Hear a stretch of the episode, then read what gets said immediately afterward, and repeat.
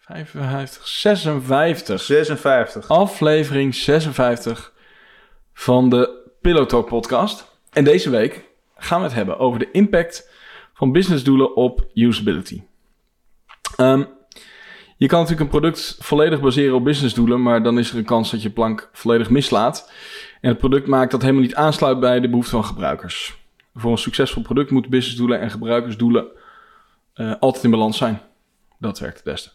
Uh, weet hoe je daarvoor zorgt? Blijf dan luisteren, want surprise, we gaan het erover hebben. En we gaan ook wat uh, voorbeelden uit de praktijk uh, geven. Let's go! Welkom bij Pillow Talk, de podcast waarin we op zoek gaan naar de ultieme gebruikservaring in het digitale domein en daarbuiten.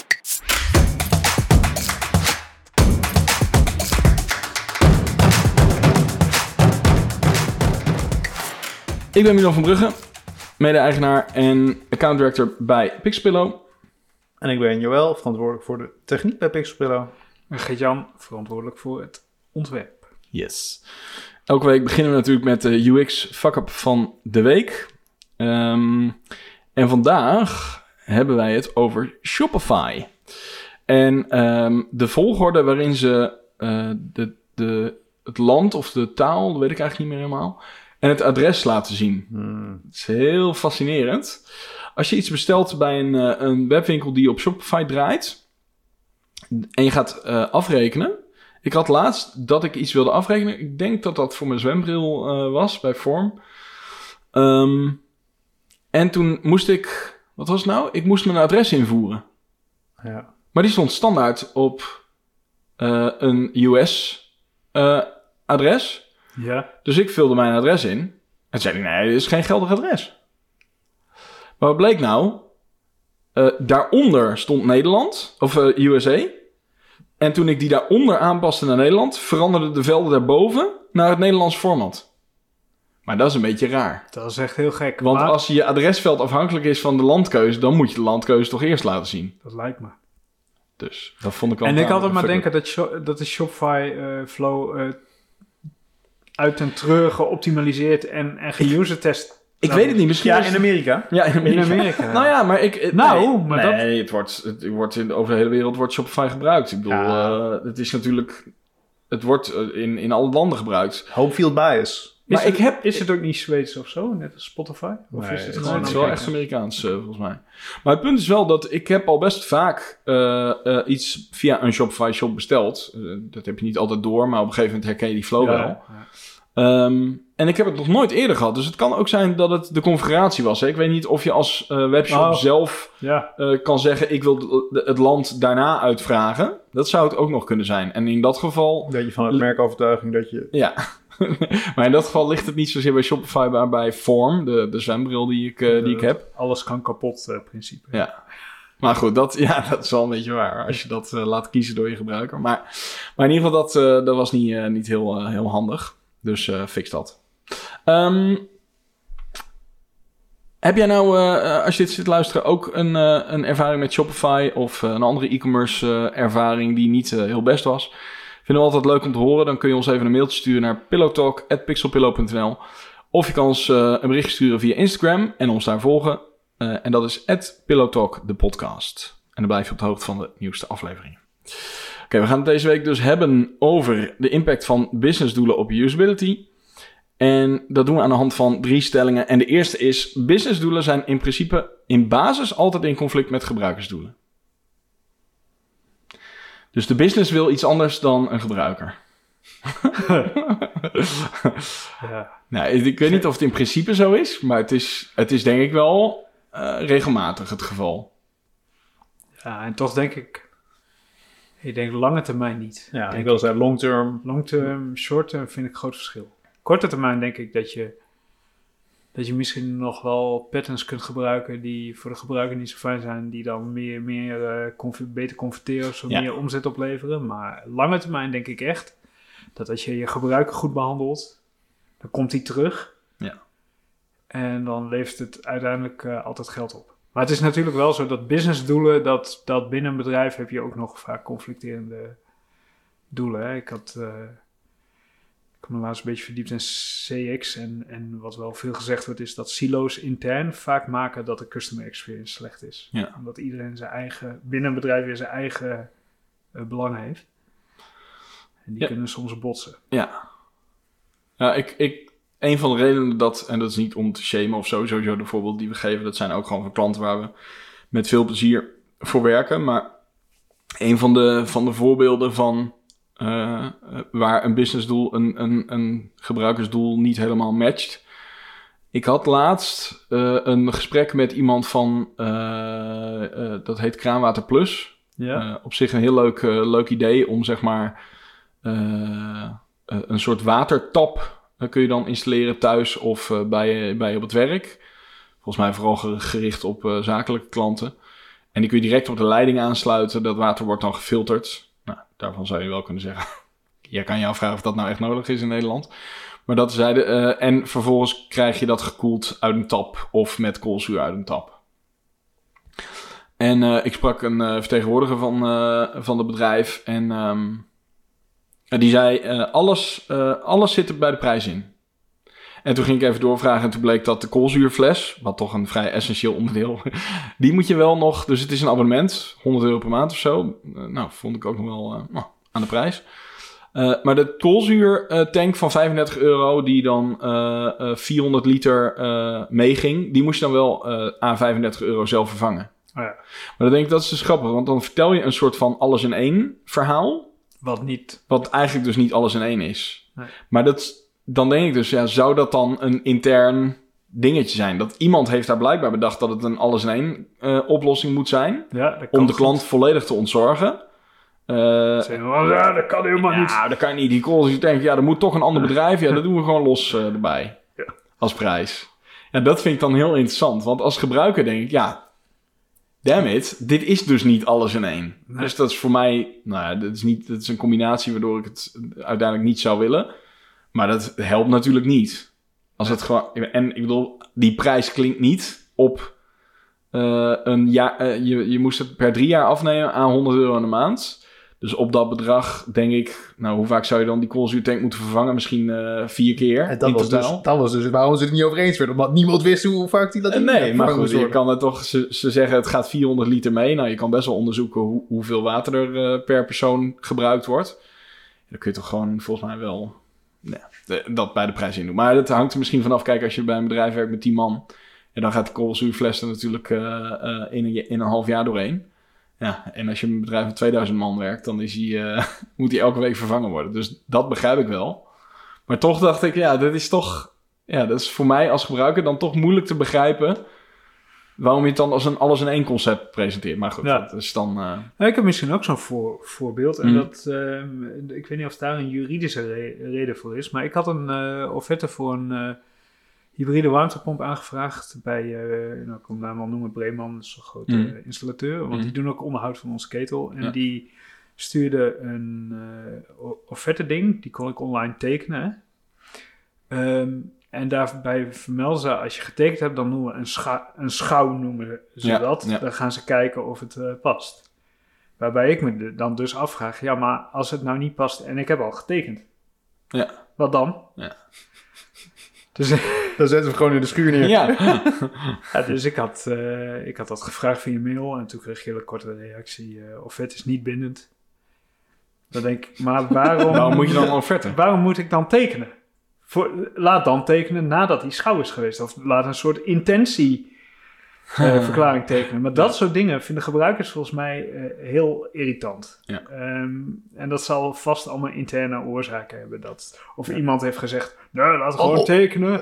Want ehm, Dan denken ze dat ze eraan vastzitten. Dan ja, gaan ze niet ik meer terug. veel. En, en ja, ik vind dat wel vervelend. Want dan denk je, ja, maar straks teken ik voor iets. En dan wijst zo'n schouw uit dat het niet kan. En dan moet ik dan wel lappen. Ja. Ja, dus... ehm, Maar is dan, eh, Ja. want de stelling is dan businessdoelen eh, conflicteren met gebruikersdoelen in, in de basis. Ik bedoel, ja, is, is, is dat, wat, wat, wat nou, de, de enige vind ik vaak eh, SEO. Oh, als je het op ons vakgebied, Ja, dat is, SEO is natuurlijk een heel belangrijk businessdoel. Hè, dat je, Mhm. dat je, want het Ja. levert gewoon conversie op. Ja, ja. Maar conflicteert echt nog wel eens regelmatig met gebruiksvriendelijkheid. Omdat, ehm, Ja, het is gewoon bedoeld voor, eh, dan voor een je- zoekmachine en niet voor een Dan gebruiker. krijg je zo'n menu met eh, een lijstje dienstverlening met eh, alle namen Ja. van steden in de regio eh, te zien. Ja, of hele lappen tekst ergens. Puntje, puntje, verkoop de beste. ja, ja. Ja, of hele lappen tekst ergens onder, terwijl Ja. dat helemaal geen eh, functie heeft en zo. Dat, dat vind ik nog wel. eh, en ik snap het heel goed hoor. Ik bedoel, SEO is gewoon super belangrijk. Dus je kunt er soms misschien ook niet omheen. Maar het conflicteert wel, denk ik, eh, soms met gebruikers doen. Het is wel grappig. Je zou bijna zeggen... Ja, sorry, dit is, dit tangent op tangent, maar... Je zou bijna zeggen dat je de dark patterns weer moet invoeren... zodat de gebruiker er geen last van heeft... Ja, dat ja, je wel ja. in Google gevonden wordt. Dus dat eigenlijk misschien dark patterns nog zo gek niet waren. Ja, die, ja, die witte tekst ja, witte tekst op een witte achtergrond. Is dan helemaal niet zo'n heel gek idee. Nee, gebruiker merkt niks van. Of is dat de meta-description? Oké, nou goed. Maar dat is, ja, dat is wel interessant trouwens. Dat, dat is, die, die keywords en zo die je dan in, de- in je meta kon toevoegen... die zijn eigenlijk steeds minder belangrijk geworden. Omdat Google zelf de pagina wil interpreteren. Maar daardoor verplaatst de, de shit zeg maar, ja. zich naar de echte content... waar je dus je gebruiker mee lastig valt. Ja, We hebben het al in een vorige podcast gehad over, over de, de nieuwe Webcore Vitals en hoe, hoe die zich verhouden tot hè, of die de user experience nou verbeteren of niet. Ik denk dat je hier wel weer een voorbeeld te pakken hebt van wat het in potentie doet met de gebruikservaring dat Google dit zeg maar doet. ja. Wel, wel interessant. Oké. Ehm, jij, uh, Jawel, wat vind jij eh, van, de, van de stelling? Ja, het- Gert-Jan die eh, zei precies wat ik dacht in de eerste twee Oh. zinnen. Dus toen dacht ik, ja, Ik hou mijn mond maar weer. ik heb niks toe te voegen aan deze discussie. The way I like it. Oké, nou. ehm, de, de tweede stelling dan. Eh, de, de grootste bedreiging voor de goede balans tussen bedrijfsdoelen en, of businessdoelen en eh, gebruiksdoelen eh, zit bij de HIPPO. De, Highest Paid Person's Opinion. Ehm, ja, de, je, je hebt natuurlijk altijd wel ergens een keer een organisatie eh, dat je daar binnenkomt en dat je een overleg hebt en dat, je, dat iedereen heel constructief bezig is en dat dan de CEO of eh, weet ik veel wat voor eh, chief van, van wat dan ook. Ik heb hem trouwens verkeerd om, zie ik. Maar in ieder geval dat, dat er een een of andere bobo gewoon overal tussendoor fietst en, en zijn veto eh, door de kamer slingert van nou, dat moeten we zo doen, want eh, nou, dat kan een design, maar dat kan natuurlijk ook eh, in het erdoor drukken van bepaalde doelstellingen. Ehm, maar is, het, is, het, is, het, is dat de grootste bedreiging? Is, of zijn er nog andere dingen die Nou, ik die denk balans zo- verstoren? Ik denk sowieso dat. ehm, kijk, hi- hippo's heb je in meerdere. Echt. De Afrikaanse. Ja, nou, maar je, je hebt kleine de hippo's gro- hippo. Ja. en grote hippo's. Ehm, kijk, op het moment dat je geen gebruiksonderzoek doet en, eh, en ehm, wij zijn daar natuurlijk eh, ambassadeur van, maar, maar weten ook dat je kan niet alles continu de hele tijd onderzoeken. Ja, dan, dan is het toch de, de, degene met, met de beste argumenten vaak die, eh, die, die wint. Mhm. En, eh, en dat kan soms bijvoorbeeld de meest verbaal vaardiger zijn in een groep. dus dat is ook een vorm van hippo.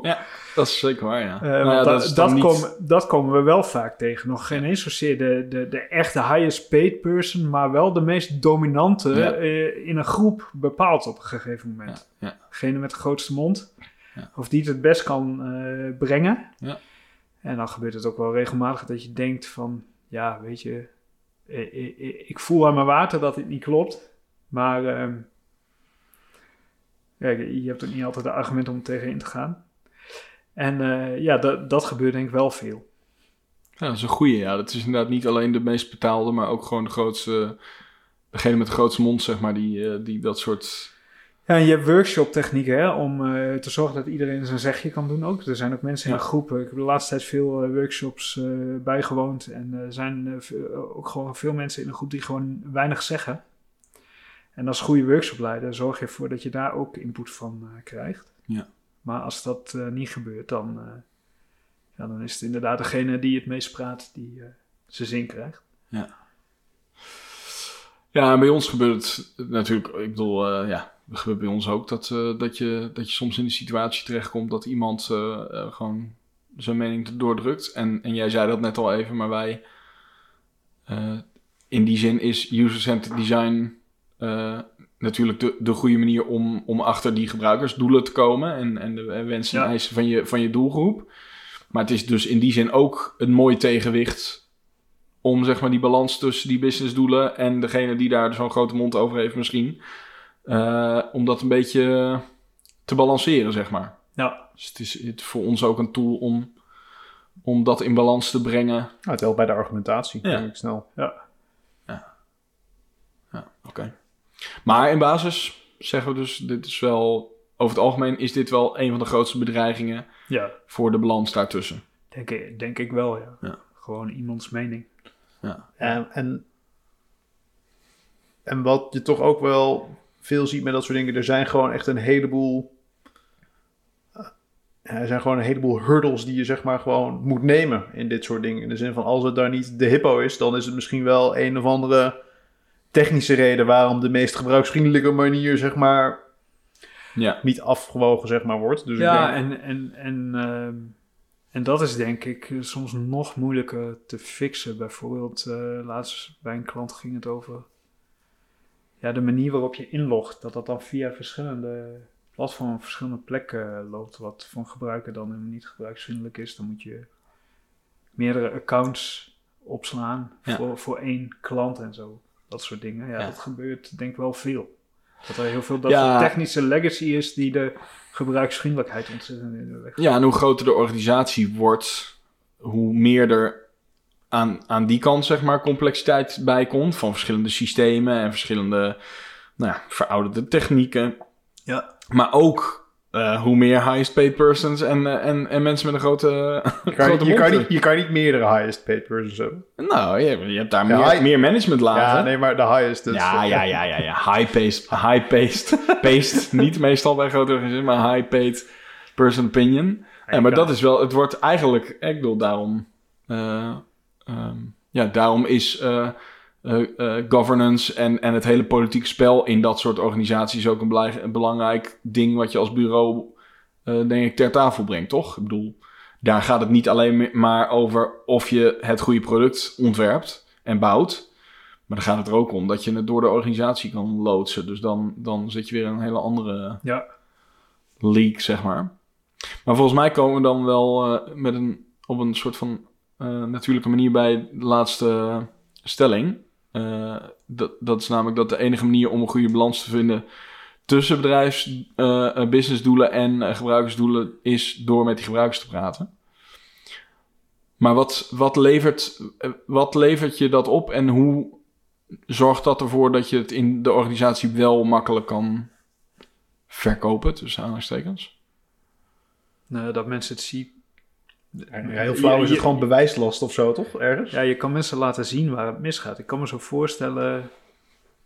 ehm, nou, dat voorbeeld met zo'n. eh, nou, nee, wij, wij, wij hebben. eh, jij hebt laatst ook een keer een expert review op een, eh, op- op een configurator gedaan. Ja. Ehm, ik denk dat daar in het voorproces best wel eh, vanuit een soort ehm, rationale bepaalde keuzes zijn ge- gemaakt. Hè? Dat je denkt van, nou wij denken dat dit werkt, dus we doen het zo. Ja. Ehm, ja, op het moment dat dan iemand gewoon blanco er doorheen klikt en gewoon eh, vastloopt of zo, en je, en je hebt dat op tape, ja, dan moet je wel van goede huizen komen, wil je dan nog Ja. eh, aan, je, aan je mening eh, vasthouden, toch?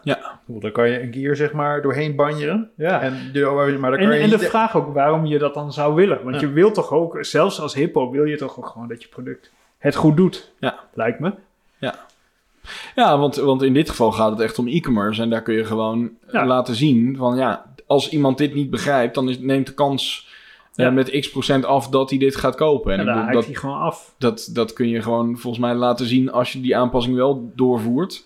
Dus En het gebruiksvriendelijk maakt, dat mensen het begrijpen, dan zie je gewoon, eh, eh, als het goed is, dat die conversie omhoog gaat. Ja, en wat wij wel merken door het gebruiksonderzoek word je ook wat meer humble. Hè? Dat je, omdat je, je leert ervan dat, dat het best wel tricky is om eh, heel erg hard te roepen. Het zit zo en zo als je het niet met gebruikers hebt getest. Ja. En dat is, zo, is misschien voor die hippers ook wel een keer goed om, om te zien. En ik zit, ik zit nu ook te denken dat... We hebben het nu gehad over de hippo. We hebben het gehad over degene die het meest dominant is in zo'n, in zo'n overleg. En eigenlijk op die manier dan... Je hebt natuurlijk ook gewoon de... de, de, de nou ja, ja, hoe moet je dat noemen? Maar gewoon het, de, in sommige gevallen is het ook gewoon zo dat doordat je gewoon in een bepaalde cadans eh, dingen aan het doen bent, dat, eh, ja, dat bijvoorbeeld een, een, een partij met wie je samenwerkt er gewoon mee aan de haal gaat of, het, eh, of er net even een andere keuze in maakt. Ja.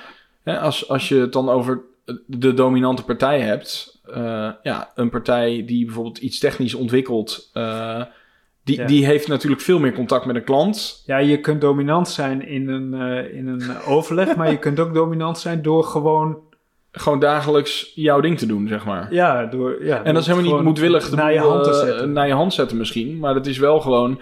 Jij hebt gewoon de meeste invloed omdat jij er de meeste tijd aan besteedt, zeg maar. Ja, Ah, maar het laat ook maar weer zien hoe... Het is een beetje een soort mean reversion in de zin van... Het is, gewoon nog, het is gewoon nog steeds niet normaal dat dit het belangrijkste is. Terwijl je toch echt... Iemand die je product niet kan gebruiken is toch wel redelijk cruciaal. Maar omdat dat dus niet zeg maar het ding is waar alle mensen achter staan... ben je constant bezig om dat Ja. te verdedigen. En als je ook maar heel even verzwakt... Ja.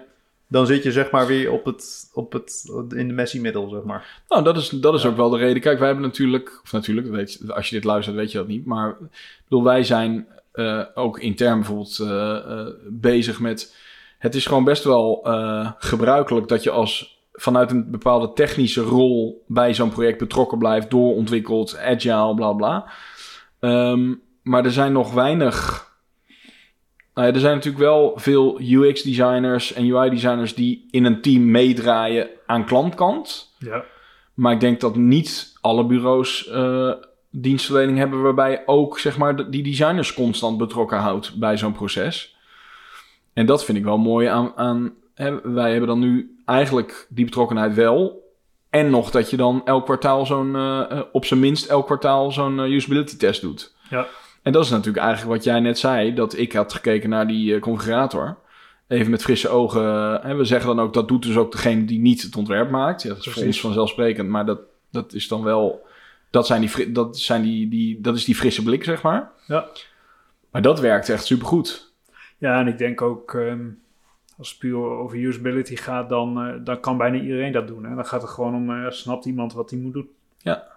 Hoef je echt niet heel ingewikkelde uh, voor te Nee, stellen. het enige wat, wat kijk, bij een, eh, bij een expert review is natuurlijk... eh, ja, de, die, dat, dat is iemand die ook de kennis al meeneemt. Die dus ook kan zeggen, volgens mij kun je dat beter zo doen. Ja. En natuurlijk de, de usability test is natuurlijk meer met gebruikers. En dan gewoon puur toetsen of wat je al hebt staan of hebt bedacht. Ja, of dat, werkt. Ja. Maar daar hoef je denk ik niet al te veel... Soms krijg je natuurlijk ook hele waardevolle feedback uit... over, ik denk, ik zou dit zelf zo verwachten of wat dan ook. Omdat mensen natuurlijk ook niet meer helemaal... eh, Nee, dat klopt. En de expert review is misschien een quick win, maar ook niet altijd representatief. In de zin dat als je een hele afwijkende doelgroep hebt, jongeren of, of juist hele ouderen, dan, of ik noem maar wat, dan, eh, dan wil je toch wel misschien, eh, dan wil je toch wel vaak met, met echt, echt je doelgroep testen. Ja. Ja, nou wa- wat ik ook nog zat te denken, maar dan ga ik misschien weer een, ja, een doe stukje terug. Hè? Dat, dat is ja, een goed balans door met gebruikers te praten. Ehm, wat we ook wel vaak zien, eh, bedenk ik me nu, is dat, ehm, eh, dat die mensen waar je mee eh, praat binnen een bedrijf, dat die soms zo lang al ergens werken en zoveel domeinkennis hebben, dat ze ook helemaal niet meer zien Nee. dat zij totaal niet meer representatief zijn. En dat ze, ze weten zelf dan precies hoe het allemaal in elkaar zit. En eh, dat zie je dan wel vaak hoe je door productflows heen gaat en benamingen van, van menus ook en zo. Hè? Die dan heel erg Mhm. vakjargon, vol met vakjargon die, die niemand snapt. Nee. En die mensen zijn natuurlijk, omdat ze ergens al lang werken, vaak eh, ook nog dominant en hebben een bepaalde status binnen Ja. zo'n bedrijf. Dus Ja. dat, eh, dat telt bij elkaar op, zeg maar. De, de te, te veel domeinkennis, waardoor je intern gerespecteerd bent. Ja.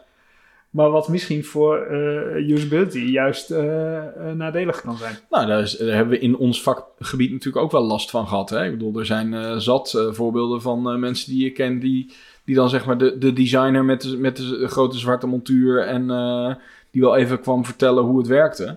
Ja, Ik bedoel, ik weet echt nog dat, dat eh, toen ik bij Clockwork eh, begon... Dat ik, dat, dat ik daar zelf ook wel een handje van had. Omdat je gewoon...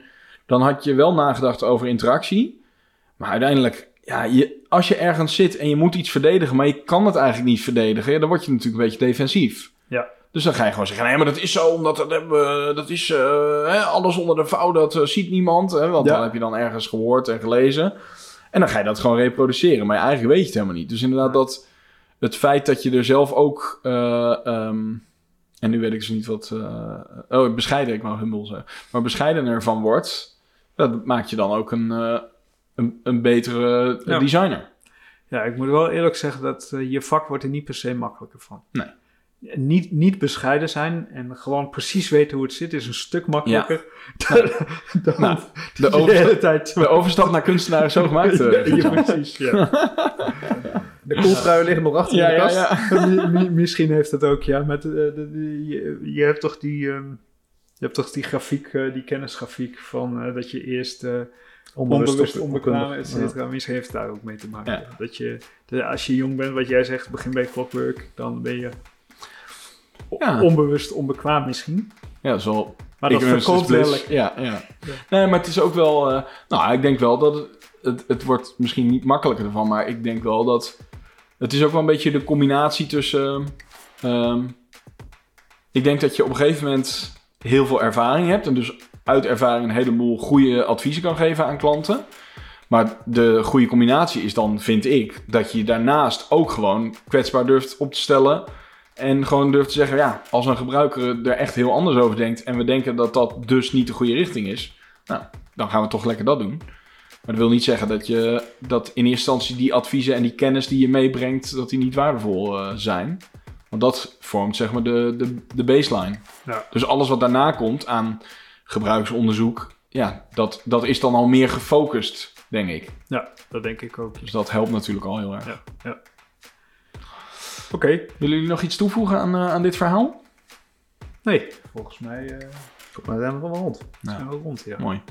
Eh, heb jij, als je dit zit te luisteren, nog wel iets toe te voegen? Zijn we iets vergeten te bespreken? Heb je een suggestie over dit onderwerp of wil je iets, iets anders vragen? Stuur ons dan gerust een mailtje naar pillowtalk.pixelpullen.nl En vergeet ons niet te volgen op Instagram, pillowtalkpodcast. En dan blijf je op de hoogte van de nieuwste aflevering. En dan heb ik nog een vraag. Ehm, heb jij een onderwerp, zit je te luisteren en heb je eh, een onderwerp waarvan je denkt, hey, daar wil ik graag eh, eh, de mening van die gasten van Pixpillen over horen? Stuur dan even een berichtje via Instagram, Podcast, of een mailtje naar pillowtalk.pixpillow.nl. Ehm want we hebben al zoveel besproken afgelopen twee jaar. Een beetje input van de luisteraar zou niet misstaan. Dus heb je iets leuks? Laat het ons weten. Dat vinden we leuk. Tot de volgende keer. Later. Later. Oh, later.